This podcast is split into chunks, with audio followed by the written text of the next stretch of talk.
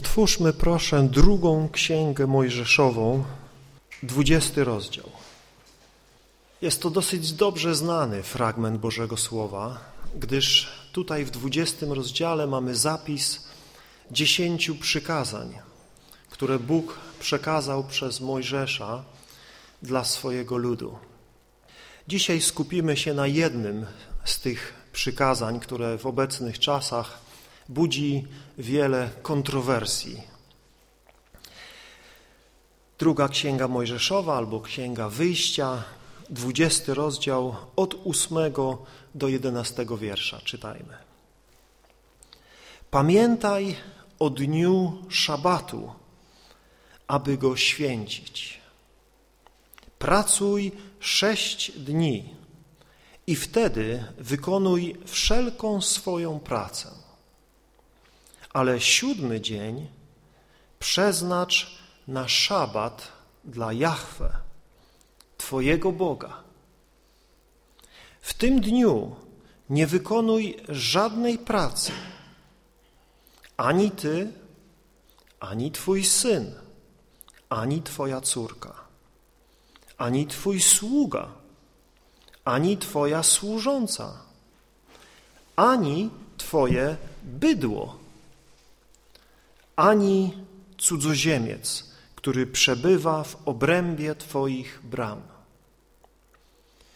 Czyń tak dlatego, że Jahwe tworzył niebo i ziemię i morze wraz ze wszystkim, co w nich jest, przez sześć dni, a siódmego dnia odpoczął. Właśnie dlatego Jahwe pobłogosławił dzień szabatu i wyróżnił go wśród pozostałych.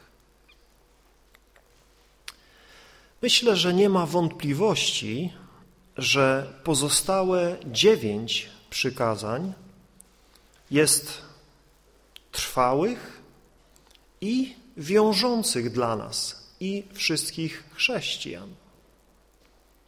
Nie mamy mieć innych bogów. Nigdy nie wolno nam tworzyć fałszywych bogów. Mamy czcić tylko jedynego, prawdziwego, żywego Boga. Nigdy nie wolno nam na próżno używać imienia Boga. Mamy czcić ojca i matkę.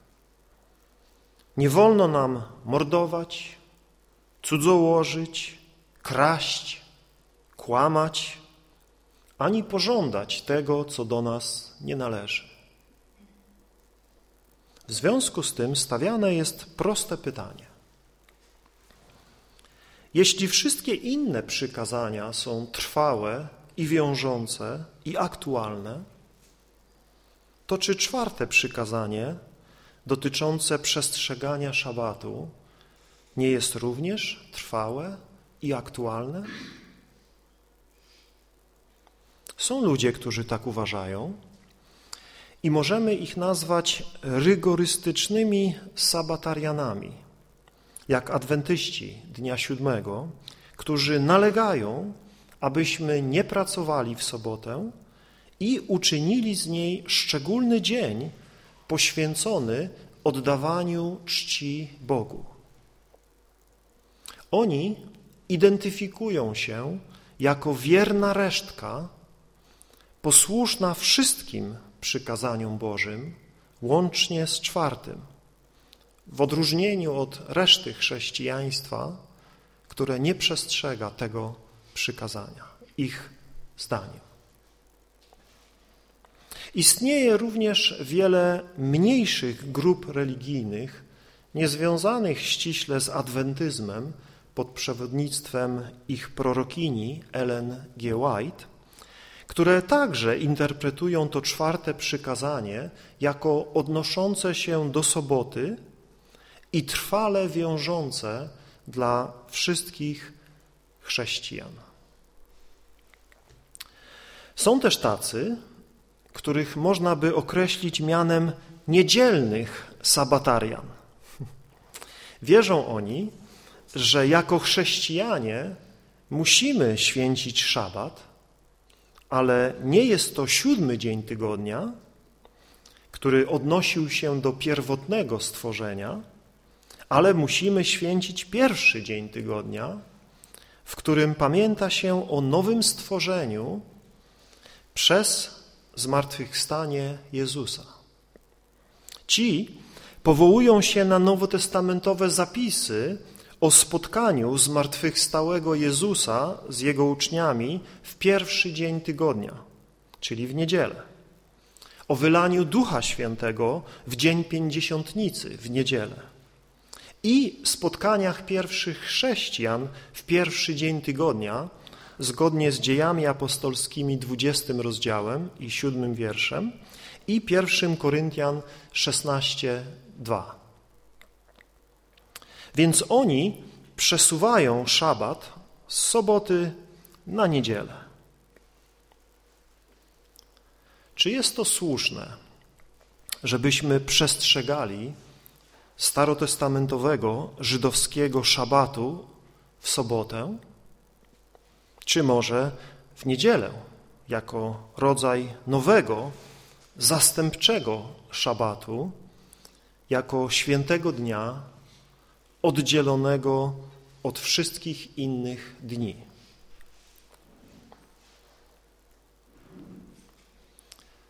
Aby odpowiedzieć na te pytania, musimy uważnie czytać i rozważać święte pisma zarówno Starego, jak i Nowego Testamentu. Zacznijmy od samego początku. Zwróćmy się do drugiego rozdziału Księgi Rodzaju, czyli pierwszej Księgi Mojżeszowej. Ten rozdział rozpoczyna się informacją, że proces stworzenia został ukończony. Czytamy tam takie słowa. Tak zostało ukończone niebo wraz z całym swym niebieskim zastępem oraz ziemia. Stało się to, zanim nastał siódmy dzień. Bóg ukończył swoje dzieło i w siódmym dniu zaprzestał wszelkiej pracy. Pobłogosławił On siódmy dzień i poświęcił go.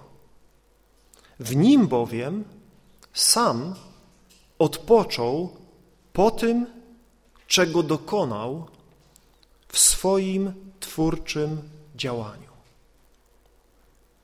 Zauważmy w wierszu trzecim słowo poświęcił. Słowo to jest pochodnym terminem od słowa święty. I tutaj po raz pierwszy pojawia się w Biblii. Rdzeń tego słowa oznacza oddzielenie, a ściślej rzecz biorąc, oddzielenie i wywyższenie. Jest to oddzielenie, które wynosi lub wywyższa. Tak więc po raz pierwszy w Biblii spotykamy się z ideą, że coś jest oddzielone przez bycie wywyższonym. To znaczy, że Bóg określa ten siódmy dzień jako dzień wywyższony, dzień podniesiony ponad wszystkie inne dni. Bóg czyni go świętym i oświadcza, że jest tak z trzech powodów. Te trzy powody są połączone z trzema czasownikami, które składają się na ten tekst. Po pierwsze, ukończył, po drugie, odpoczął i po trzecie, pobłogosławił. Po pierwsze, jest to dzień, który jest wyjątkowy, ponieważ niebo i ziemia zostały ukończone i wszystkie ich zastępy, wszystko, co je wypełnia. To jest pierwszy czasownik. Ukończył. Cała Boża twórcza praca została zakończona. Po drugie, mamy czasownik odpoczął. To jest wyjątkowy dzień, ponieważ gdy stwarzanie jest zakończone, Bóg zatrzymuje się i odpoczywa. Takie też jest znaczenie słowa szabat. Zatrzymanie się, zaprzestanie działania, zakończenie pracy i w konsekwencji odpoczynek. Oczywiście w odniesieniu do Boga odpoczynek nie zakłada zmęczenia, gdyż, jak czytamy w księdze Izajasza w 40 rozdziale i 28 wierszu, Bóg, Jahwe, się nie męczy. Cokolwiek czyni, to go nie męczy, nie nuży.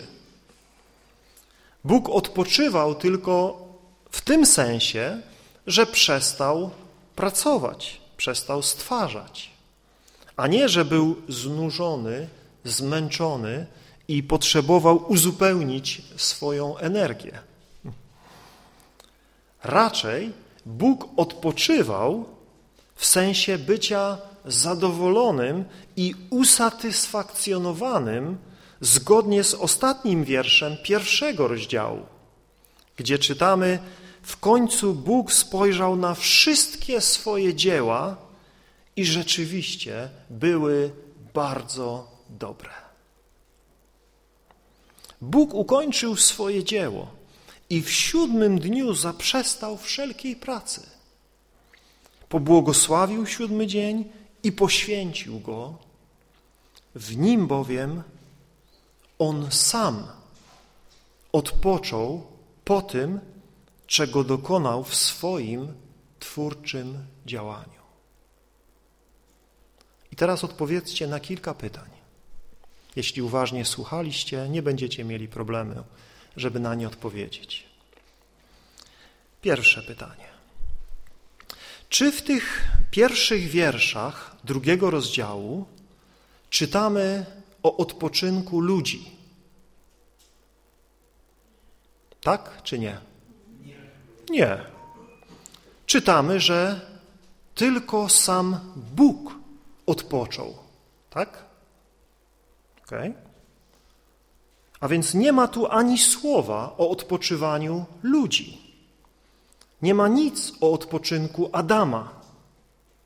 Czy tam coś jest na ten temat? Nie ma ani słowa. Jest tu mowa o poświęceniu tego dnia przez Boga, ale nie ma tu żadnego nakazu święcenia tego dnia szabatu przez Adama. Czy jest tam taki nakaz? Nie ma tutaj, tak? Nie ma tutaj nic o tym, że ten dzień ma być dniem poświęconym uwielbianiu Boga przez człowieka. Nie ma? Nic takiego tutaj nie ma. I ci, którzy twierdzą, że nakaz obchodzenia dnia szabatu został ustanowiony na samym początku, w siódmym dniu stworzenia, wczytują w ten tekst swoją własną ideologię, zamiast uważnie czytać to, co tutaj jest napisane. Tu jest napisane, że Bóg ukończył swoje dzieło i w siódmym dniu to Bóg zaprzestał wszelkiej pracy, Bóg pobłogosławił siódmy dzień i poświęcił go, w nim bowiem sam Bóg odpoczął po tym, czego dokonał w swoim stwórczym dziele. Nikomu Bóg w tym momencie nic nie nakazuje. Ten pierwotny szabat jest całkowicie odniesiony wyłącznie do Boga. Bóg ukończył swoje dzieło, jest z niego zadowolony, zaprzestał stwarzać, co stanowi odpoczynek i w trzecim wierszu pobłogosławił siódmy dzień. Błogosławieństwo oznacza wyróżnienie i obdarzenie szczególną przychylnością. Bóg postanowił, aby ten siódmy dzień był szczególnym upamiętnieniem Jego stworzenia w Jego pierwotnej doskonałości. To jest niezwykle ważne, byśmy to zrozumieli. Jest to dzień, który ma być wyniesiony ponad wszystkie inne dni, jak pomnik upamiętniający chwałę doskonałości Boga w stworzeniu. Każdy siódmy dzień jest przypomnieniem, że Bóg w sześciu dniach stworzył cały wszechświat. Wszystko, co istnieje, łącznie z tym wszystkim, co ten wszechświat wypełnia. I do tego odwołuje się czwarte z dziesięciu przykazań danych na Synaju. Do końca Księgi Rodzaju szabat ani razu nie jest wspominany. To jest jedyne miejsce w Księdze Rodzaju na początku, w drugim rozdziale, w pierwszych trzech wierszach, gdzie idea szabatu się pojawia. Do końca Księgi Rodzaju nie ma ani słowa o szabacie. Jaki okres czasu obejmuje pierwsza Księga Mojżeszowa? Ktoś wie? Około dwóch i pół tysiąca lat. Pierwsza Księga Mojżeszowa to jest dwa i pół tysiące lat historii.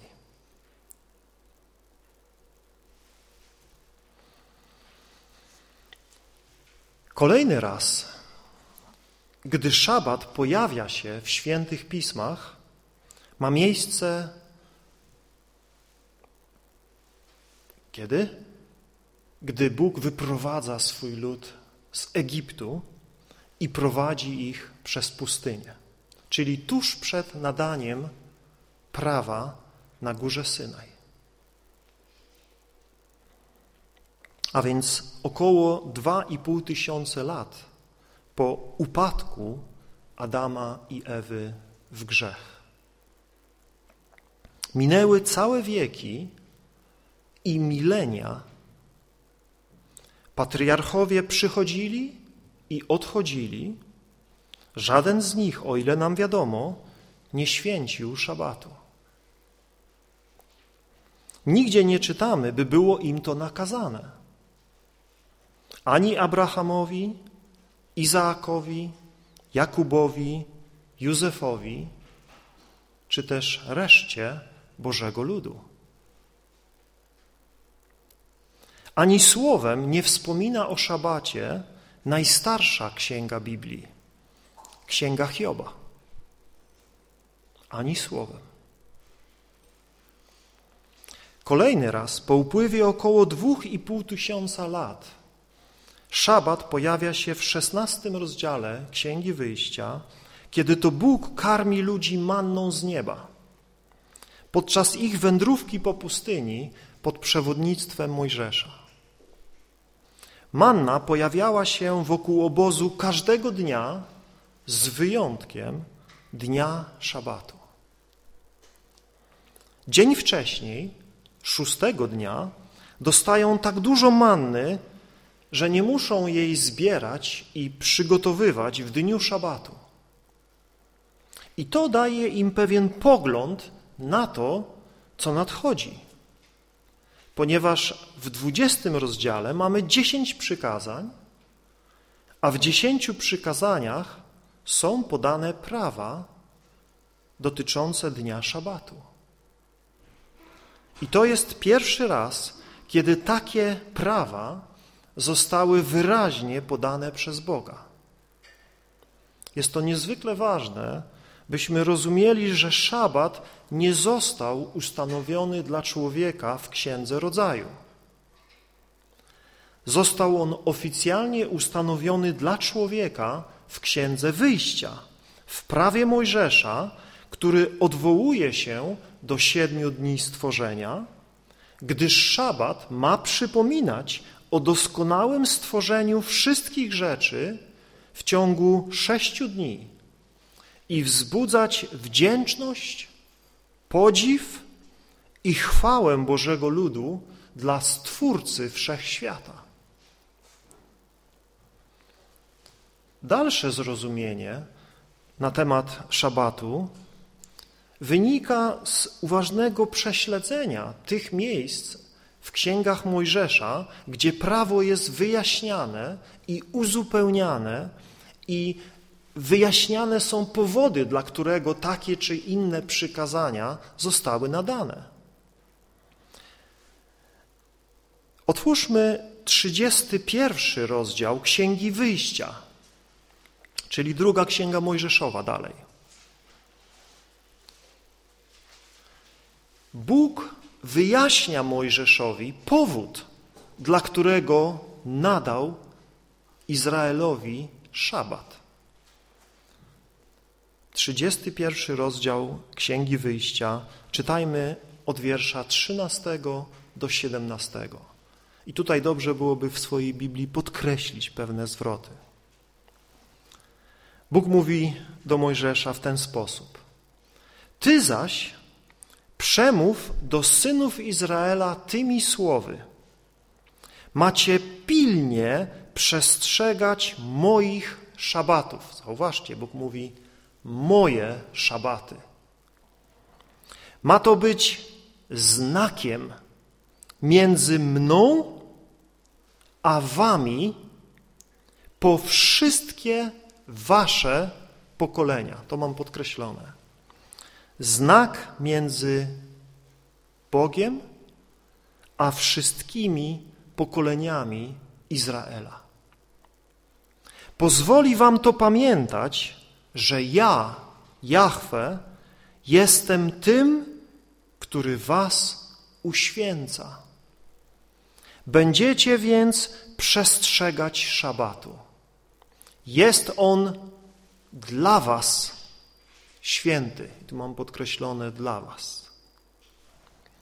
Kto go znieważy, będzie musiał umrzeć, bo każdy, kto będzie wykonywał w nim jakąkolwiek pracę, zostanie usunięty spośród swojego ludu. I tu znowu warto podkreślić, usunięty spośród swojego ludu. Sześć dni będzie można pracować, ale siódmego dnia będzie szabat. Całkowity odpoczynek. Dzień poświęcony Jahwe. Każdy, kto by w dniu szabatu wykonywał jakąkolwiek pracę, będzie musiał umrzeć. Synowie Izraela będą więc przestrzegali szabatu. Całe to zdanie podkreślone mam. Synowie Izraela będą więc przestrzegali szabatu. Będą zachowywali szabat w kolejnych swych pokoleniach na mocy wiecznego przymierza. Między mną a synami Izraela. Będzie on znakiem na wieki, gdyż w sześciu dniach stworzył Jahwe niebo i ziemię, a w siódmym dniu odpoczął i wytchnął. Szabat został nadany komu? Nie ma wątpliwości komu, synom Izraela. Nie wszystkim ludziom, nie całej ludzkości, nie Egipcjanom, nie Filistynom, nie Edomitom. Widzimy, że Bóg nigdy nie napomina tych ludów za to, że nie przestrzegają szabatu. Ale napomina Izraela, synów Izraela. Konsekwentnie w całym Starym Testamencie Bóg Izraela napomina Izraela za nieprzestrzeganie szabatu. Natomiast nic nie mówi o tych innych ludach, a ma o nich dużo do powiedzenia. Mówi na temat ich grzechów, ale nigdy, przenigdy nie mówi, że są winni nieprzestrzegania szabatu. O tym potem. Rozważajmy te fragmenty.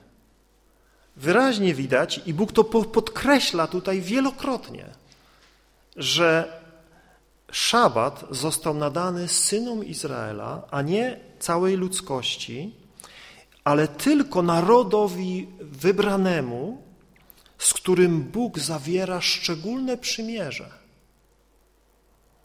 Relacja tego przymierza wymaga uświęcenia Izraela, a więc oni mają być także oddzieleni i podniesieni. I poprzez święcenie szabatu Izrael ma stale pamiętać, że to Bóg, który uświęcił siódmy dzień po zakończeniu stworzenia, również uświęca swój lud. To jest tu wyraźnie powiedziane. W jakim celu szabat został nadany synom Izraela? Zwróćcie uwagę, w tym fragmencie kilkakrotnie jest powiedziane jako znak przymierza między Jahwe a synami Izraela po wszystkie pokolenia. Znak przymierza. Zwróćcie uwagę, ile razy jest to w tych wierszach powtórzone. W tamtych czasach nie stosowano takich metod, jakie my dzisiaj stosujemy, żeby coś, na coś zwrócić uwagę. My dzisiaj podkreślamy coś, albo wytłuszczamy tekst, albo pochylamy tekst, żeby rzucał się w oczy. W tamtym czasie, jeśli Bóg chciał coś podkreślić, to powtarzał to. Zresztą ludzie robili to samo. Bóg jakby z powodu tego, jak ludzie czytają i słuchają, robi to samo. Bóg coś powtarza kilka razy, żeby nie było wątpliwości, co ma na myśli, żeby człowiek to dobrze zapamiętał. I jak przeczytacie te wiersze kilkakrotnie, zobaczycie, ile razy, ile tam jest myśli, które mówią Bóg i synowie Izraela, znak przymierza. Szabat jest znakiem tego przymierza, które zawieram z wami dzisiaj na górze Synaj. Widzimy tutaj, że szabat jest znakiem. To znaczy, że wskazuje na coś innego. Znak, jeśli stoi gdzieś, to on o czymś innym nam mówi, on nas o czymś informuje, on na coś wskazuje. Taki jest sens stawiania znaków. To jest pewien symbol. Jest to znak przymierza mojżeszowego, i został umieszczony niemal w środku dziesięciu przykazań, na granicy przykazań odnoszących się do Boga, pierwsze trzy przykazania, i relacji między ludźmi, kolejne sześć przykazań. Pomiędzy nimi jest szabat jako znak przymierza. Kiedy Bóg zawarł przymierze z Noem, obiecał Noemu, że nigdy więcej nie zniszczy świata i Bóg ustanowił znak tego przymierza. Jaki to był znak? Tęcza. Kiedy Bóg zawarł przymierze z Abrahamem, również określił znak tego przymierza. Jaki był znak przymierza z Abrahamem? Obrzezanie. Tak jest, obrzezanie. A tu w przymierzu mojżeszowym jest inny znak. Jest nim szabat. Szczególny dzień odpoczynku i świętowania przed obliczem Stworzyciela. Ponadto szabat jest też potwierdzeniem tożsamości Izraela jako ludu wykupionego z niewoli. Otwórzmy piąty rozdział Księgi Powtórzonego Prawa, czyli piątej Księgi Mojżeszowej. Łatwo zapamiętać, piąta Mojżeszowa, piąty rozdział. Słowa Mojżesza skierowane do ludu są przypomnieniem dziesięciu przykazań i tutaj pokazują, że szabat funkcjonuje również jako przypomnienie dla Izraela o jego szczególnym pochodzeniu. Piąta Mojżeszowa, piąty rozdział, wiersz piętnasty. Trzy piątki, trzeba zapamiętać. Pamiętaj, Bóg mówi, pamiętaj, że byłeś niewolnikiem w ziemi egipskiej. Wyprowadził cię stamtąd Jahwe, Twój Bóg, mocną ręką z podniesionym ramieniem. Dlatego nakazał ci Jahwe, Twój Bóg, obchodzić dzień szabatu. Dlaczego Bóg nakazał Izraelowi obchodzić dzień szabatu?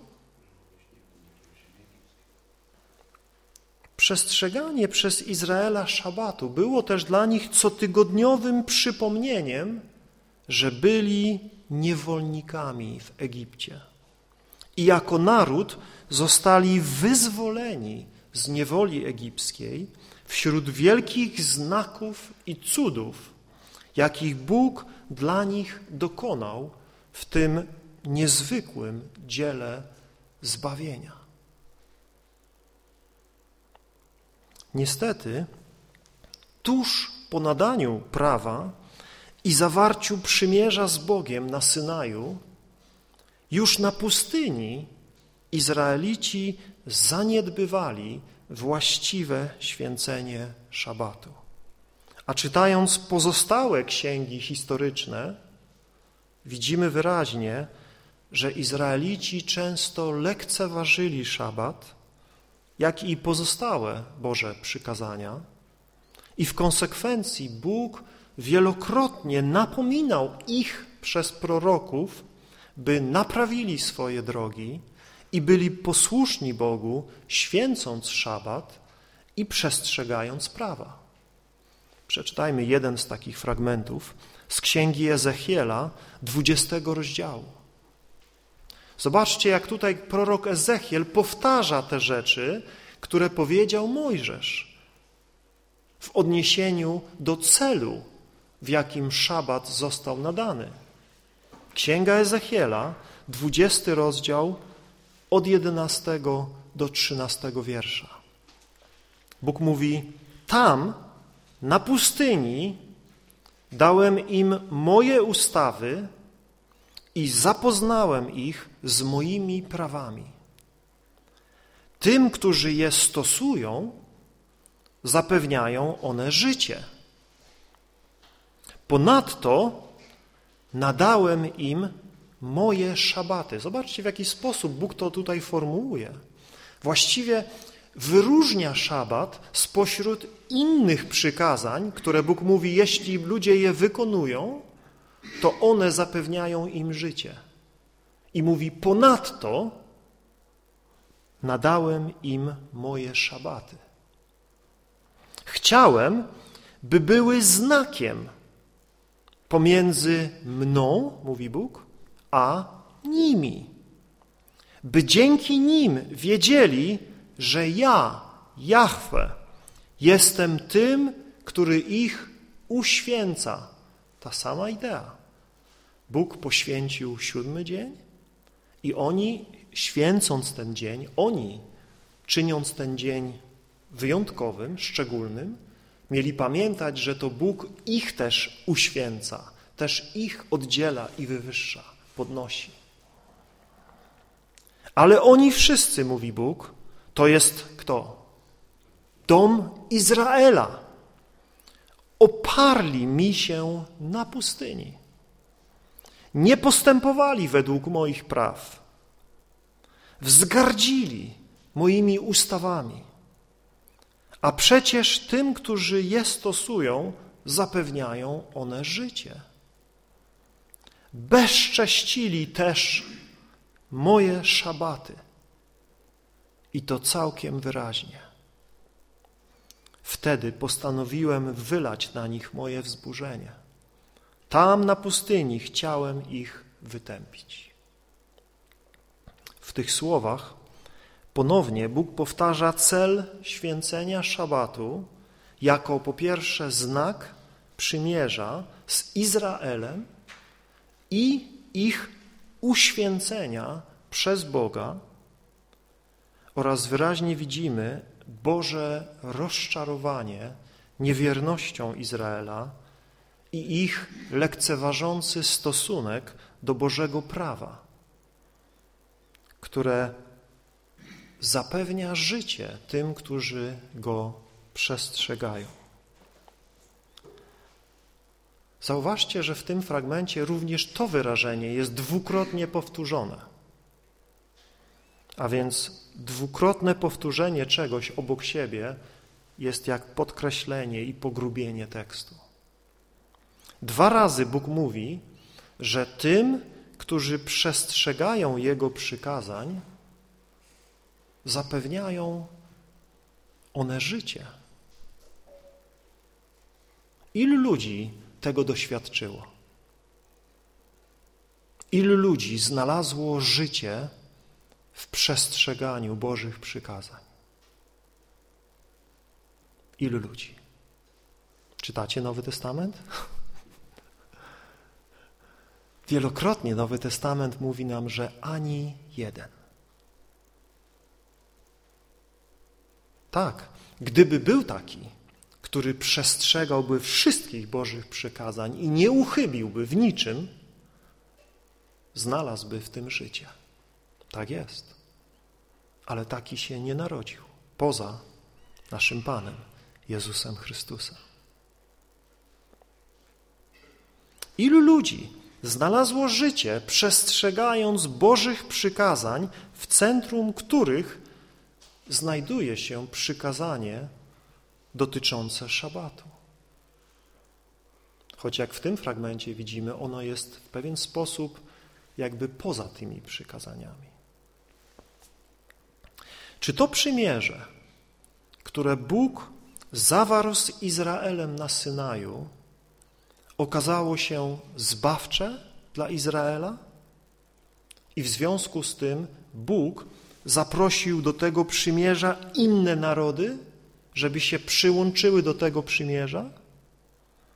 Czy też Bóg anulował tamto przymierze i ustanowił nowe przymierze we krwi swojego Syna? Chyba nie macie wątpliwości, że Bóg nie zaprosił nas i całej reszty ludzkości do tego przymierza, które Bóg zawarł z Mojżeszem na Synaju, ale zaprosił nas do nowego przymierza. Jeśli macie jakieś wątpliwości, to mam tu świadka z listu do Hebrajczyków z ósmego rozdziału. Otwórzcie proszę, list do Hebrajczyków, ósmy rozdział i przeczytajmy wiersze od siódmego do trzynastego.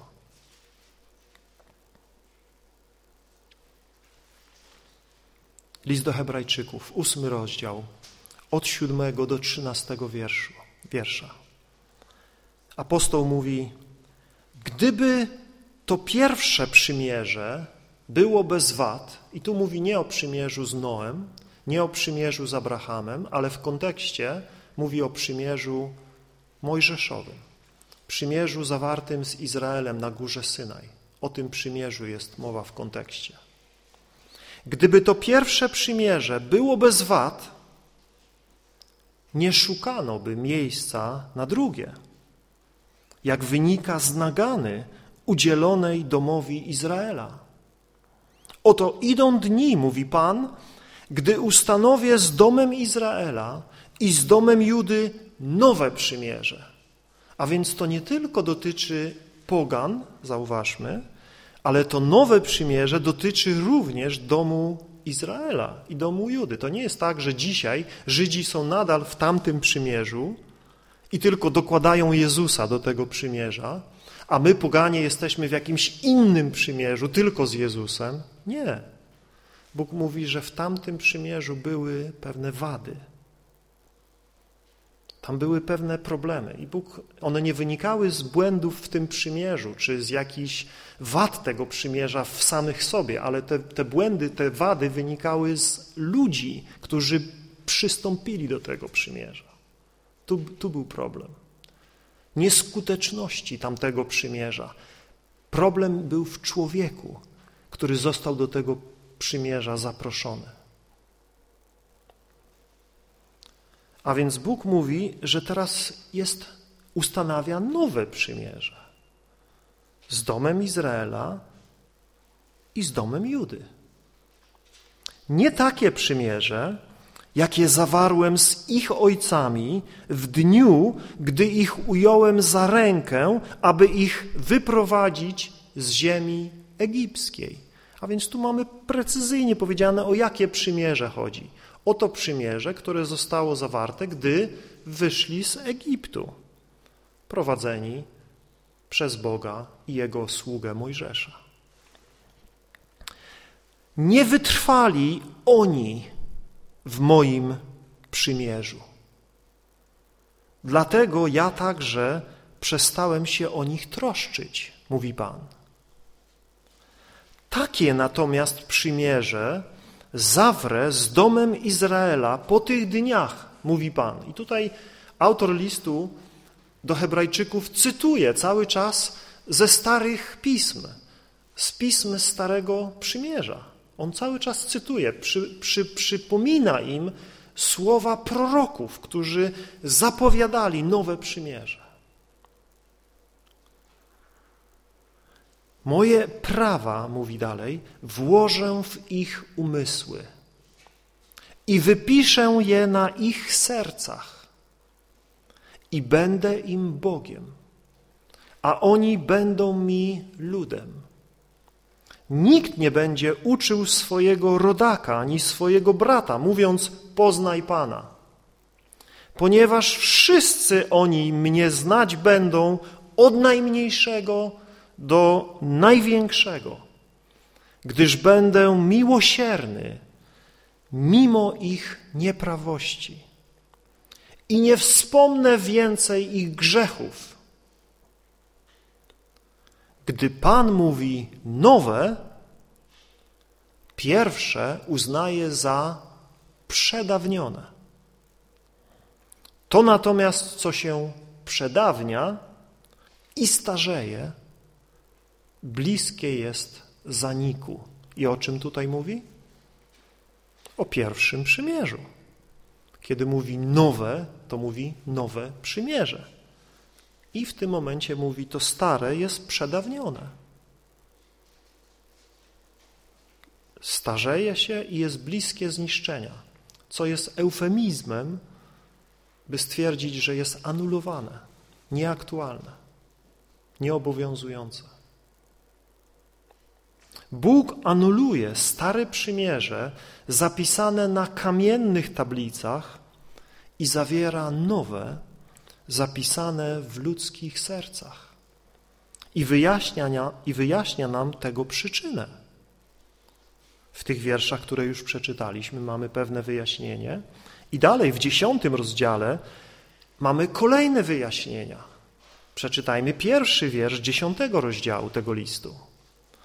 Prawo, i tutaj mówimy o prawie nadanym na górze Synaj przez Mojżesza, czytamy, prawo zawierało w sobie cień przyszłych przywilejów, a nie sam obraz rzeczy. Prawo zawierało cień. Wszystko, co było w prawie, było zapowiedzią czegoś, co się w całej pełni objawiło w Jezusie Chrystusie. A więc szabat również zawierał pewien cień rzeczywistości odpocznienia, jaka jest dla ludu Bożego w Chrystusie. Prawo zawierało cień przyszłych przywilejów, a nie sam obraz rzeczy. I wiersz dziewiąty unieważnia więc pierwsze, aby ustanowić drugie. Za dwa tygodnie, jak Bóg pozwoli, zwrócimy się do Ewangelii i posłuchamy Pana szabatu, tego, który ustanowił szabat i który decyduje o szabacie. Posłuchamy Pana szabatu, który mówi, że szabat został ustanowiony dla człowieka i że szabat jest dobry i że należy czynić to, co dobre w szabat.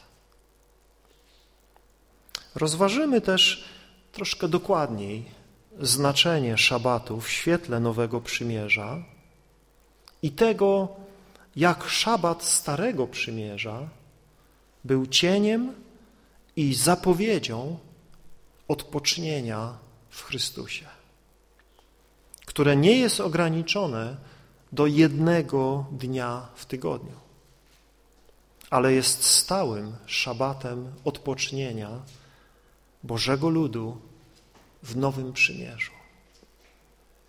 Przeczytajmy na koniec z czwartego rozdziału tego listu do Hebrajczyków, gdzie o tym właśnie jest mowa.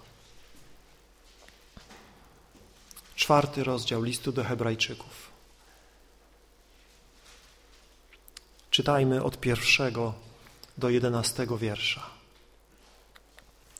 Bądźmy zatem ostrożni, aby czasem, choć obietnica wejścia do Jego odpoczynku pozostaje aktualna, ktoś z Was nie uznał, że go ona nie dotyczy. Gdyż nam również, podobnie jak tamtym, oznajmiona została dobra nowina. Im jednak zwiastowane słowo nie przyniosło korzyści, ponieważ nie należeli do ludzi słuchających z wiarą. Do odpoczynku natomiast wchodzimy my, którzy uwierzyliśmy. Zgadza się to z Jego oświadczeniem. Dlatego przysiągłem w swoim gniewie, nie wejdą do mojego odpoczynku. Słowa te zostały wypowiedziane pomimo, że Jego dzieła dokonane są od założenia świata. Bo tak powiedziano gdzieś o siódmym dniu tygodnia. I odpoczął Bóg siódmego dnia od wszystkich swoich dzieł. Tutaj natomiast czytamy, nie wejdą do mojego odpoczynku. Jeśli więc niektórzy mają do niego wejść, a ci, którym najpierw zwiastowano dobrą nowinę, nie weszli z powodu nieposłuszeństwa, to znowu wyznacza pewien dzień dzisiaj. Zauważcie, mamy nowy dzień wyznaczony. Jaki to jest dzień? Dzisiaj. Dzisiaj. Tam był pewien dzień, dzień szabatu, siódmy dzień, ale Bóg wyznacza nowy dzień. Dzisiaj. To nie chodzi o niedzielę, to nie chodzi o piątek, to nie chodzi o sobotę, to nie chodzi o wtorek, środę. Dzisiaj, dzisiaj możesz mieć udział w nowym szabacie. Tamten szabat mówił jako cień i zapowiedź o tym odpocznieniu, który jest w Jezusie Chrystusie. Czytajmy dalej, zobaczmy, co tu jest napisane. To jest, to jest dobra nowina, bracia, siostry. Wyznacza pewien dzień dzisiaj. I mówi, po tak długim czasie, za pośrednictwem Dawida, to, co już przedtem zostało powiedziane. Dzisiaj, jeśli usłyszycie Jego głos, nie znieczulajcie swoich serc. Gdyby to Jozue wprowadził ich do odpoczynku, Bóg nie mówiłby po tak długim czasie o innym dniu. A zatem pozostaje odpoczynek szabatu dla ludu Bożego. Kto wszedł do Jego odpoczynku, ten też odpoczął od swoich dzieł, jak Bóg od swoich. Starajmy się zatem wejść do tego odpoczynku, aby ktoś z Was nie upadł, tak jak w tamtym przykładzie nieposłuszeństwa. Powstańmy, kochani, do modlitwy.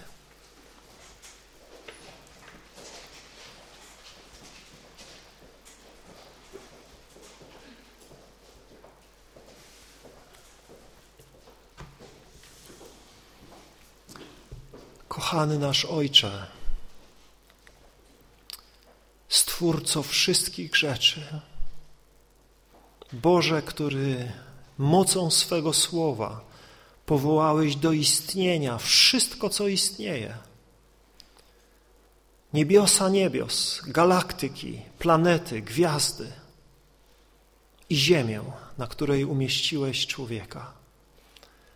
W sześć dni uczyniłeś wszystko, co istnieje, mocą Twego słowa. Jak wielkim Bogiem jesteś, jak potężnym Bogiem jesteś. Panie, daj, by i w naszych sercach był dla Ciebie nieustanny podziw, był nieustanny zachwyt Twoją wielkością i mocą i chwałą i aby każde upływające siedem dni każdego tygodnia przypominało nam, jak wielkiego Boga mamy, jak wielkiego Stwórcę mamy. Kochany Ojcze, dziękujemy za nowe przymierze w Jezusie Chrystusie. Czytamy lepsze przymierze, lepsze przymierze. Dziękujemy, że możemy czytać o tym starym przymierzu i uczyć się z niego i widzieć ten cień i zapowiedź doskonałości, jaka jest w nowym przymierzu, w Jezusie Chrystusie. Boże, modlimy się o nas samych, o naszych braci i siostry, o Twój Kościół, abyśmy byli ludem nowego przymierza abyśmy nie próbowali kleić ze sobą tych dwóch przymierzy, abyśmy nie byli nierozumni, ale byśmy rozumieli właściwie Twoje słowo, które pokazuje nam nowe przymierze i nowy szabat w Jezusie Chrystusie dzisiaj.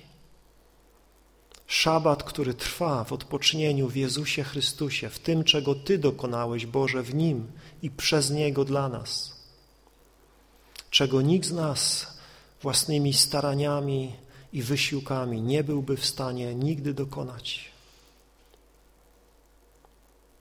Boże, modlimy się, byś pomógł nam to lepiej rozumieć i aby te nasze wspólne rozważania przyniosły nam błogosławieństwo i odpocznienie. Odpocznienie tego, który mówi: Przyjdźcie do mnie, wszyscy, którzyście spracowani, którzyście obciążeni, a ja wam dam odpocznienie dla waszych dusz. Wielbimy Cię, Panie Jezu Chryste, za odpoczynek, który możemy znaleźć w Tobie dzisiaj. Chwała Tobie. Amen.